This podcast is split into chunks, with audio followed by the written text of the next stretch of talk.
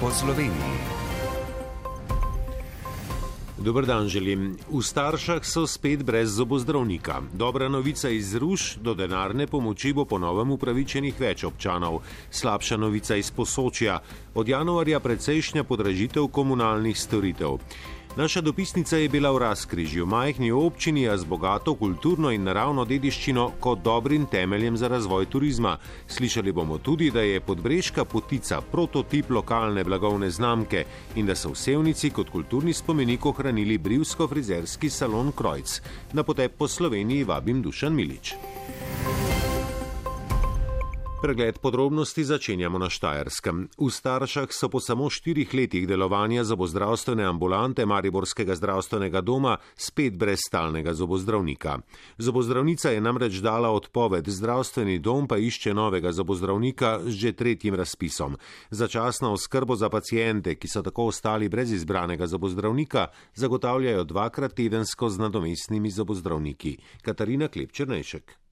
Na mesto zobozdravnice pričaka pacijente na vratih ambulante obvestilo, da je zobozdravnici s 1. septembrom prenehalo delovno razmerje. Brez izbranega zobozdravnika je tako ostalo okoli 1600 pacijentov. Ja, več kot katastrofa. Jaz imam osebni primer, ki bi mogla iti na snikanje zoba, ga ne morem iti, ker moram prvo imeti eh, datum pri zobozdravniku. Žena je bila zdaj, recimo, je bila za ureditev, ne zgornje čelusti, ne, pa spodne, da pač iščemo. Ne. To je sigurno velika zguba, ker je pa tudi bila zveredna zdravnica, pa skrb, pa vse. Upamo, da bo v kratkem prišel kak drugi zdravnik.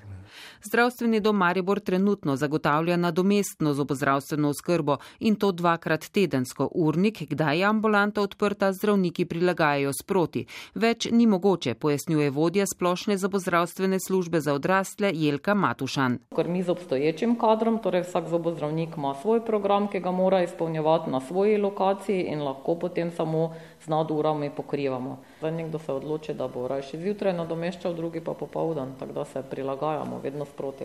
Na nujnost čimprejšnje normalizacije upozarja tudi župan Stanislav Grajfoner. Stanje kot je, dvakrat na teden, Eh, seveda ne more zadovoljiti potreb, ki jih pač naši občani tukaj potrebujejo, glede zobozdravstvenega varstva. Na vprašanje, kdaj bodo v staršah ponovno dobili svojega stalnega zobozdravnika, v zdravstvenem domu nimajo odgovora. Smo že imeli dva razpisa, na katera se pač na prvega žal ni noben javil, na drugega se je javila ena zobozdravnica, ki pa potem odstopila od tega.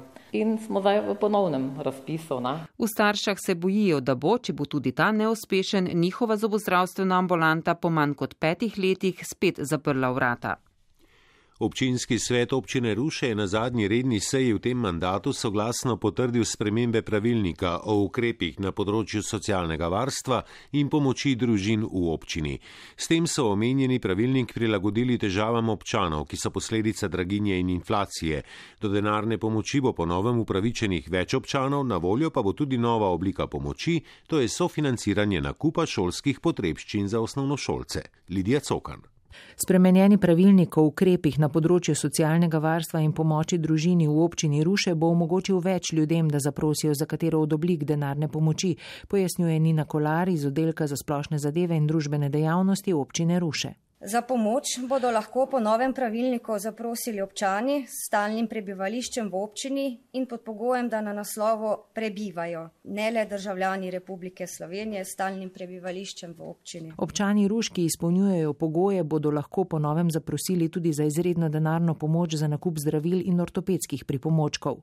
Prispevek za rojstvo otroka ostaja nespremenjen in znaša 350 evrov, bodo pa do subvencionirane prehrane dojenčkov po novem upravičeni starši starši do vključno petega dohodkovnega razreda po odločbi o otroškem dodatku. Starši osnovnošolcev do vključno tretjega dohodkovnega razreda pa bodo lahko zaprosili za novo finančno pomoč, sofinanciranje nakupa šolskih potrebščin.